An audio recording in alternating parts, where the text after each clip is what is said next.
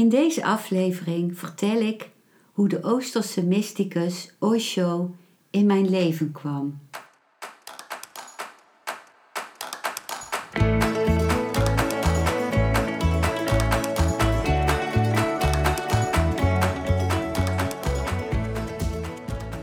Welkom bij een nieuwe aflevering van Modita's podcast Van Pijn naar Zijn.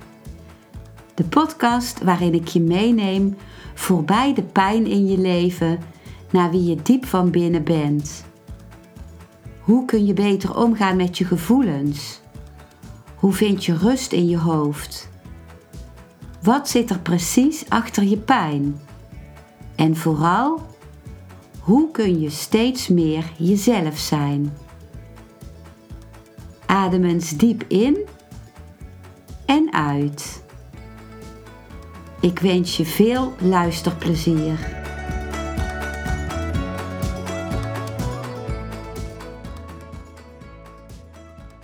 Het stuk dat ik zo meteen ga voorlezen, en dat gaat over hoe Osho, die sinds 1995 mijn spirituele meester is, in mijn leven kwam, is een stuk dat ik geschreven heb voor het boek dat ook als titel heeft Hoe Osho in mijn leven kwam.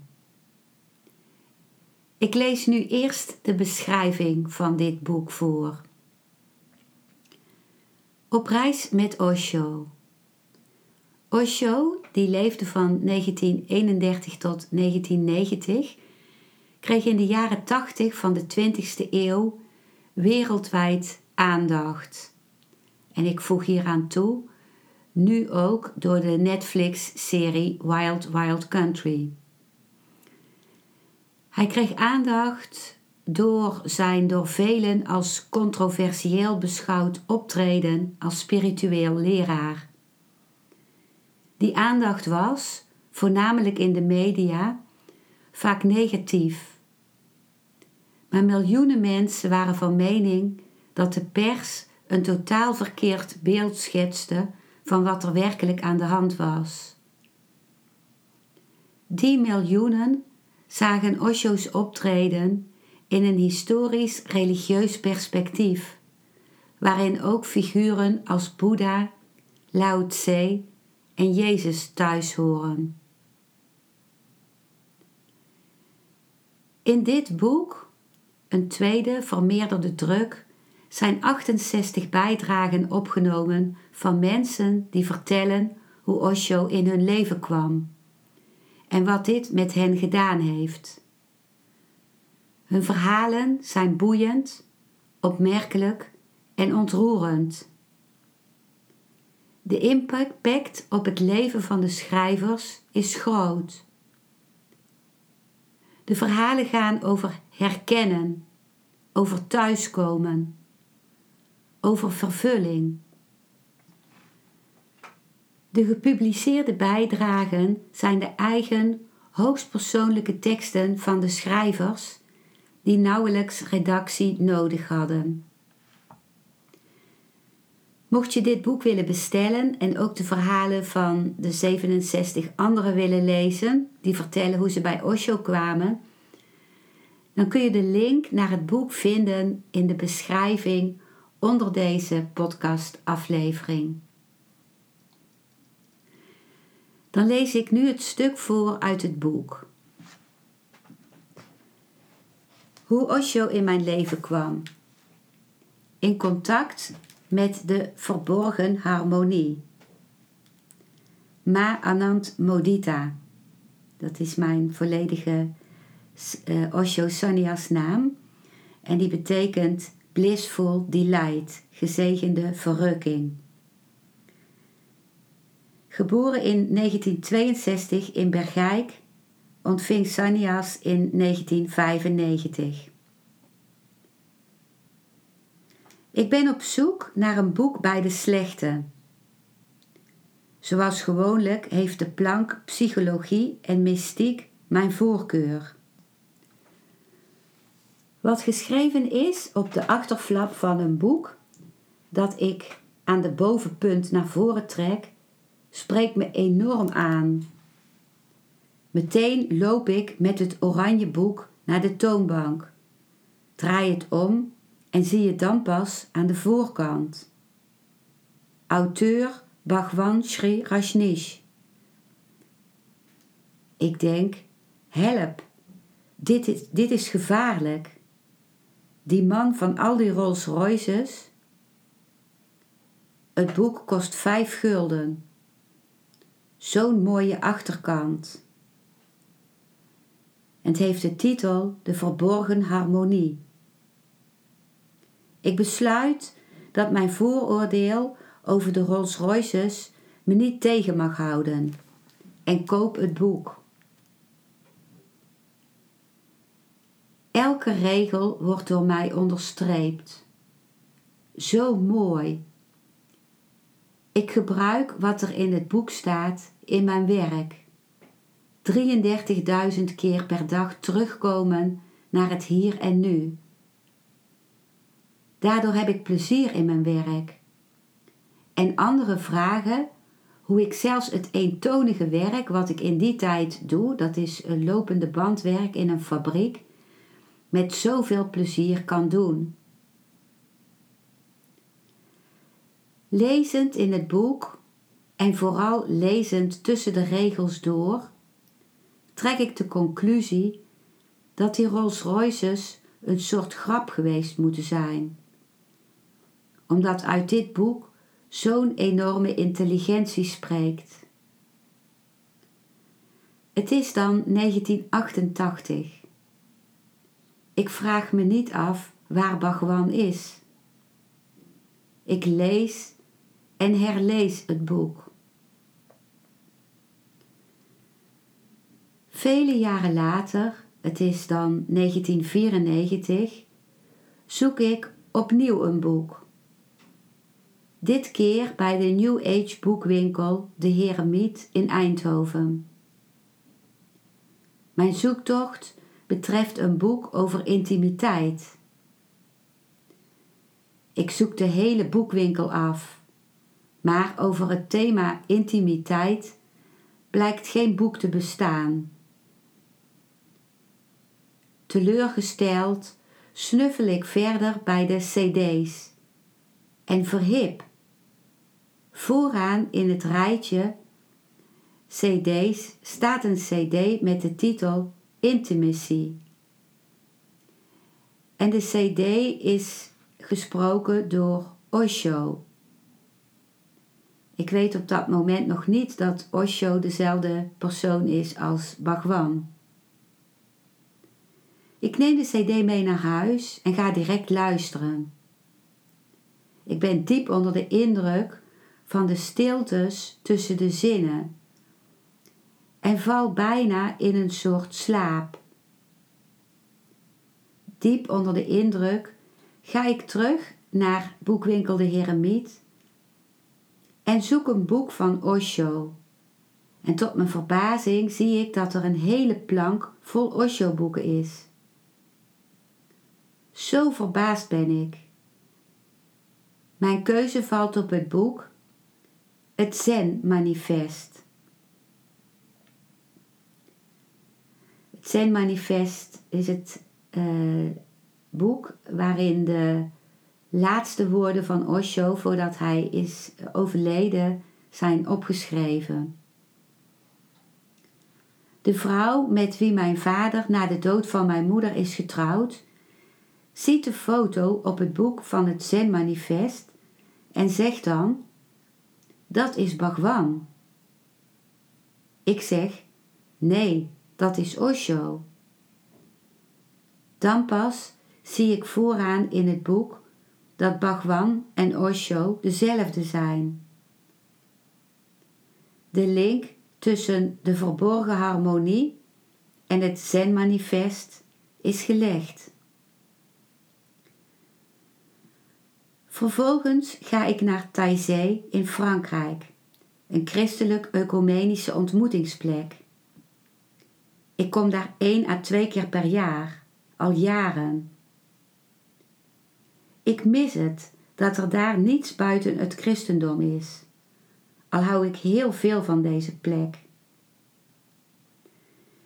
Ik zit in een gespreksgroep daar en een vrouw uit Litouwen spreekt me aan.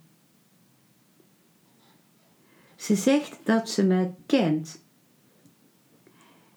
En ik heb nooit iemand uit Litouwen ontmoet. Ik, ik denk bij mezelf, misschien ken ik haar uit een vorig leven. In de eerste zin die zij tot mij spreekt, noemt zij Osho. Ze heeft het over gibberish, een meditatie van Osho. Dat dat goed is voor vrouwen, omdat die zoveel praten. En ze, ze vertelt dat er een Osho-meditatiecentrum is in Litouwen, maar dat het hoofdcentrum in Pune in India is. Dan springt er in mijn bovenbuik iets omhoog. Ik ben rusteloos. Iets neemt het over van mij. Dat wat in mijn bovenbuik naar boven is gesprongen, komt van mij. De volgende dag ga ik naar de Litouwse vrouw en spring in het rond en zeg dat ik naar Pune ga.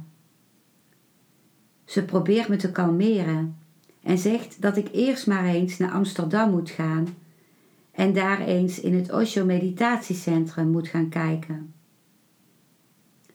Ik ga naar Amsterdam, maar vraag alleen maar inlichtingen over Pune in India. Dan ga ik naar de NBBS-winkel, een reiswinkel, en vraag waar Pune ligt. In die tijd zijn er nog geen computers. Ik kijk met een vrouw van de reiswinkel in een enorm grote wereldatlas en we vinden Pune dichtbij Bombay, nu Mumbai.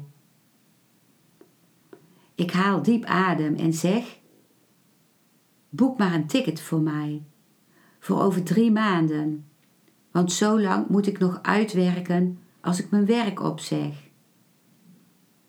Ik heb in die tijd voor het eerst een vast contract. Ik geef dan les aan verpleegkundigen en daar heb dat drie jaar al gedaan.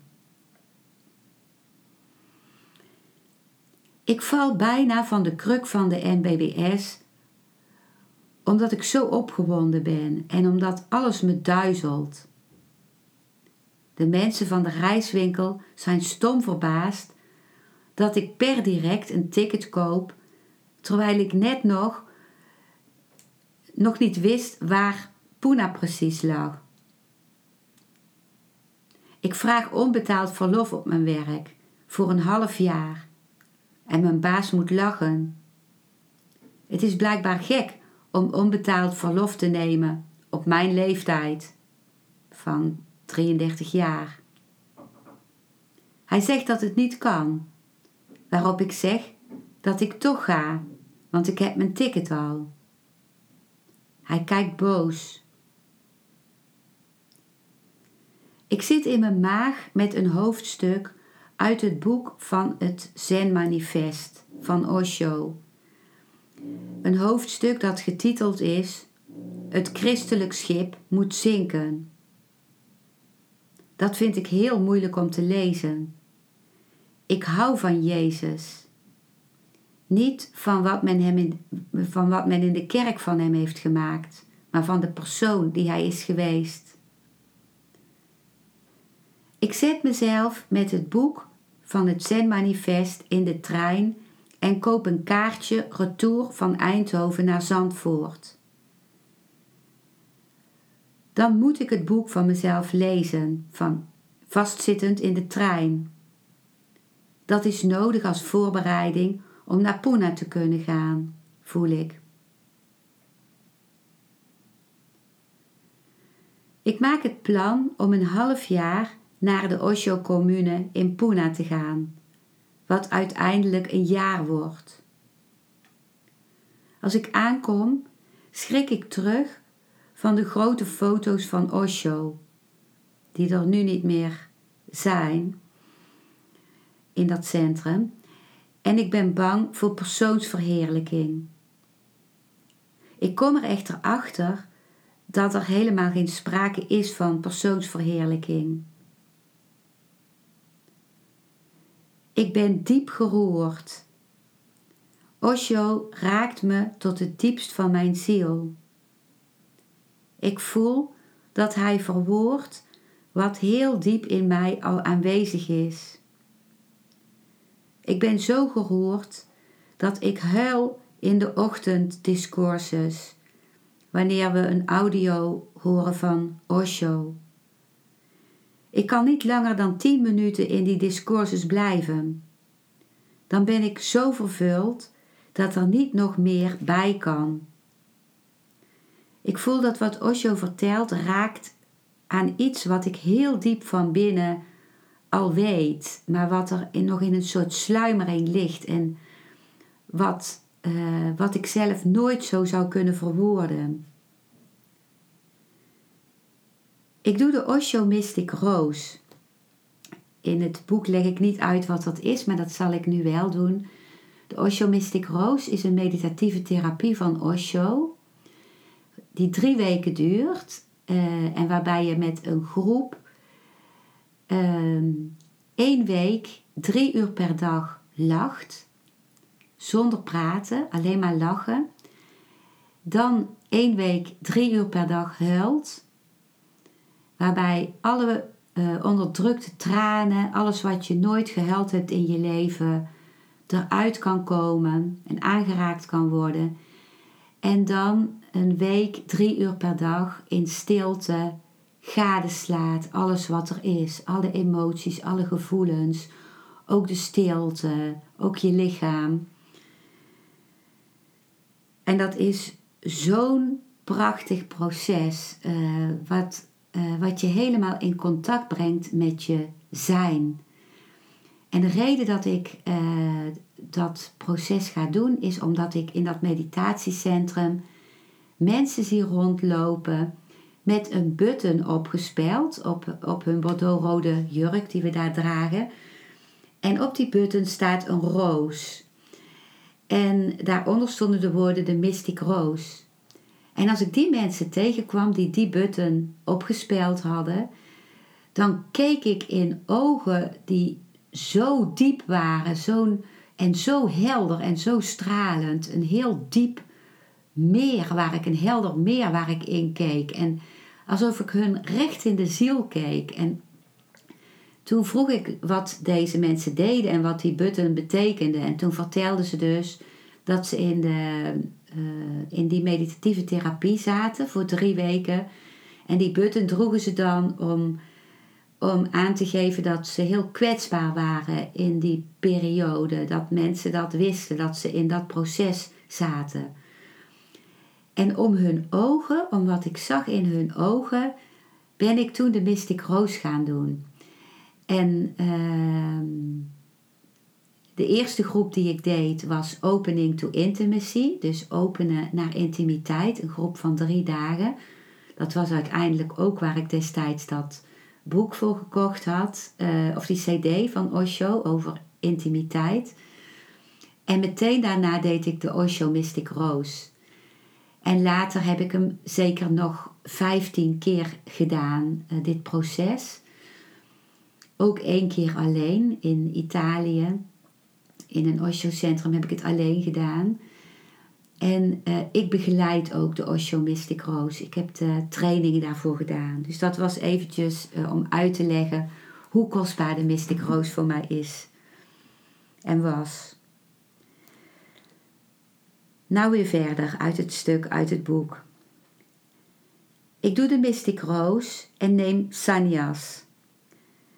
Weer even een aanbevulling van mij. Uh, sannyasin zijn is dat je een discipel bent van Osho. En discipel is niet een, uh, een slaafs iets of een volger zijn. Osho wil, wil helemaal geen volgers. Die wil alleen maar dat je jezelf bent, dat je steeds meer jezelf wordt. Um, maar ik heb sannyas genomen na de Mystic Rose uit, uit dankbaarheid en omdat ik me daarmee met Osho wilde verbinden. En die verbinding betekent dat ik open sta om uh, zijn woorden en wat hij overbrengt, ook buiten woorden om, nog dieper te kunnen ontvangen. Dus ik doe de Mystic Roos en neem Sanyas. Ik voel Osho, zijn licht, zijn stralen. En ik krijg de naam Modita, Anand Modita, wat uh, gezegende verrukking betekent. En die verrukking voel ik als ik in mijn element ben. En op het moment dat ik sanyas uh, neem, dan, en die, uh, dan voel ik dat ik lach en dat ik uh, wenste dat mijn, mijn mond nog verder met de mondhoeken naar mijn oren zou kunnen gaan. Dus dat mijn lach nog groter zou kunnen zijn. Dus daarin voelde ik eigenlijk mijn verlangen om naar, of mijn verrukking van binnen en ook tegelijkertijd de beperkingen die er nog waren. Veel mensen vragen of ik Osho ooit heb ontmoet. Het antwoord is ja. Ook al was Osho al niet meer in zijn lichaam toen ik uh, daar kwam, toen ik sannyas nam. Maar het antwoord is ja. Ik ontmoet Osho altijd als ik verbonden ben met mezelf. En ik voel ook altijd Osho's aanwezigheid. Daarvoor hoeft hij niet in zijn lichaam te zijn. Ik heb Osho ooit horen zeggen dat degenen die komen als hij niet meer in zijn lichaam zou zijn, dat diegenen directer in contact met hem kunnen zijn, omdat ze geen binding hebben met zijn lichaam en daardoor zijn energie direct kunnen ontmoeten. De gebeurtenissen waardoor ik in aanraking kwam met Osho zijn geen toevalligheden, achteraf gezien. Het is een koord dat door mijn leven loopt. Een koord dat eerst nog in mist was gehuld en dat vanaf 1988, toen ik het eerste boek van Osho vond, uh, De Verborgen Harmonie, stukjes bij beetjes naar de oppervlakte kwam, zodat ik het kon volgen. Soms heb ik wel eens gedacht: waarom ben ik in 1988 niet al naar Pune gegaan, toen Osho nog in zijn lichaam was? Dat was in het jaar dat ik het eerste boek van hem vond. Maar ik hoor Osho ook zeggen: Eerst moet je veel dingen in je leven geprobeerd hebben voordat je bij mij komt. Dus de tijd waarop ik kwam was precies de goede tijd. En in feite voelt dat ook zo. In 1995 kreeg ik dus de naam Anand Modita. Drie jaar, later, was, of uh, vele jaren later, was het zo dat als iemand in Pune aan mij vroeg hoe heet je, dat ik dan wilde antwoorden nog steeds Modita. Ik wist niet waarom. In mij voltrok zich toen iets waarbij ik voelde dat ik een andere naam wilde om mee genoemd te worden. Ik heb die naam toen zelf in Pune uit alle Sanyas namen gezocht en deze naam toen aangenomen. En de naam die ik koos was uh, Satya Suwasani. Dat betekent liefdevol de waarheid sprekend. Suwasani had een vrouwelijke klank voor mij en dat wilde ik. En de betekenis, liefdevol de waarheid spreken, was een uitdaging voor mij. Ik vond het moeilijk om als ik wat voor mij de waarheid was uh, sprak, om dat ook liefdevol te doen. Soms was ik daar heel, uh, uh, heel stellig in. Maar in mijn centrum bleef ik steeds voelen dat uh, als ik in mijn energie was, dat de naam Modita bij mij paste. De naam Anand Modita. En na een paar jaar heb ik, ben ik dus teruggegaan naar de naam Modita. En die blijf ik nu houden. Dus in het boek staat, omdat ik dat in die tijd geschreven heb dat ik nog Suwasani heette, staat de naam Suwasani, dat ik die hield maar dat is dus niet gebeurd. In die zin ben ik ook mijn stroom blijven volgen. Um, Osho heeft altijd, uh, dat was dus het stuk uit het boek. Osho heeft altijd uh, voorzien dat de wereld zou digitaliseren en die heeft dat ook echt uh, voorgestaan dat het zou gebeuren. Die heeft dat bemoedigd en hij heeft ook gewild dat alles wat hij sprak, dat dat opgenomen werd. Dus dat is opgenomen eerst op tapes, op video's en dat is later omgezet in uh, dvd's. Dus uh, op deze manier zijn zijn woorden voor iedereen toegankelijk. De woorden zijn opgeschreven letterlijk in, in 600 boeken en ook in hele veel talen vertaald. Maar je kunt de, de woorden ook uh, rechtstreeks beluisteren. En ik verwijs daarvoor naar de website www.osho.com, die ik ook in de beschrijving onder deze podcast noem. En daarin kun je zoveel vinden. Je kunt een hele bibliotheek vinden van, uh, met Osho's woorden. Je kunt daar ook thema's opzoeken. Je kunt uh, tegen een kleine betaling kun je ook uh, de discourses van Osho beluisteren zelf, waar je ook maar bent. Er zijn uh, video's en uh, ook op YouTube zichtbaar kleine video's van zo'n 10 minuten of 5 minuten. En op uh, de website www.osho.com zie je ook de beschrijving van alle Osho-meditaties.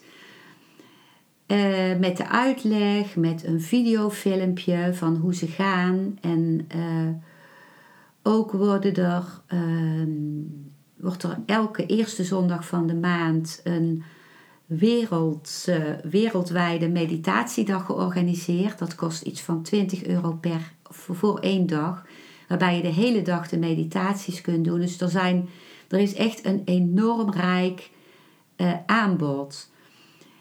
En in een eerdere podcastaflevering spreek ik over de waarde van de actieve Osho-meditaties. Ik zal daar nog iets in het kort over zeggen. De meditaties beginnen meestal met een actief gedeelte waarin je kunt ontladen door middel van dans, door middel van geluiden, uh, klanken. En dat is bedoeld om je drukke hoofd, je drukke mind, eerst de ruimte te kunnen geven om te ontladen. Om alles te ontladen wat er in de weg zit van het gaan naar jouzelf, van binnen, naar je stilte. En de fases die dan volgen, die zijn uh, heel stil en naar binnen gekeerd. De laatste fase is vaak liggen en niets doen. En ik kan die meditaties van harte aanbevelen. En het is zo'n rijk aanbod dat je kunt kijken wat met jou resoneert, wat het beste bij jou past. En je bent natuurlijk ook welkom om uh, via mij contact te maken met deze meditaties. Dus daarvoor vind je meer op mijn website genietenvanmeditatie.nl. Dit was wat ik wilde zeggen over hoe Osho in mijn leven kwam. Dankjewel voor het luisteren naar deze aflevering. Ik hoop dat hij je een nieuw inzicht of perspectief heeft gegeven. Ik hou van interactie, dus als je iets wilt delen, stuur me dan een mailtje op info@genietenvanmeditatie.nl. Ik geef je dan altijd antwoord. Ik wens jou dat je vreugde in het dagelijks leven zult ervaren en innerlijke rust. En dat je steeds meer je pijn zult kunnen omvormen in zijn. Je kunt de afleveringen van deze podcast volgen via Spotify, Google Podcast, Apple Podcast en Podbean door op de volg- of abonneerknop te klikken. Als je luistert via de Apple Podcast, dat kan alleen als je een iPhone hebt, heb je een extra voordeel. Omdat als je op de knop abonneren klikt, je steeds een berichtje op je mobiele telefoon ontvangt als er weer een volgende aflevering van mijn podcast verschijnt. Je bent van harte welkom bij die volgende aflevering.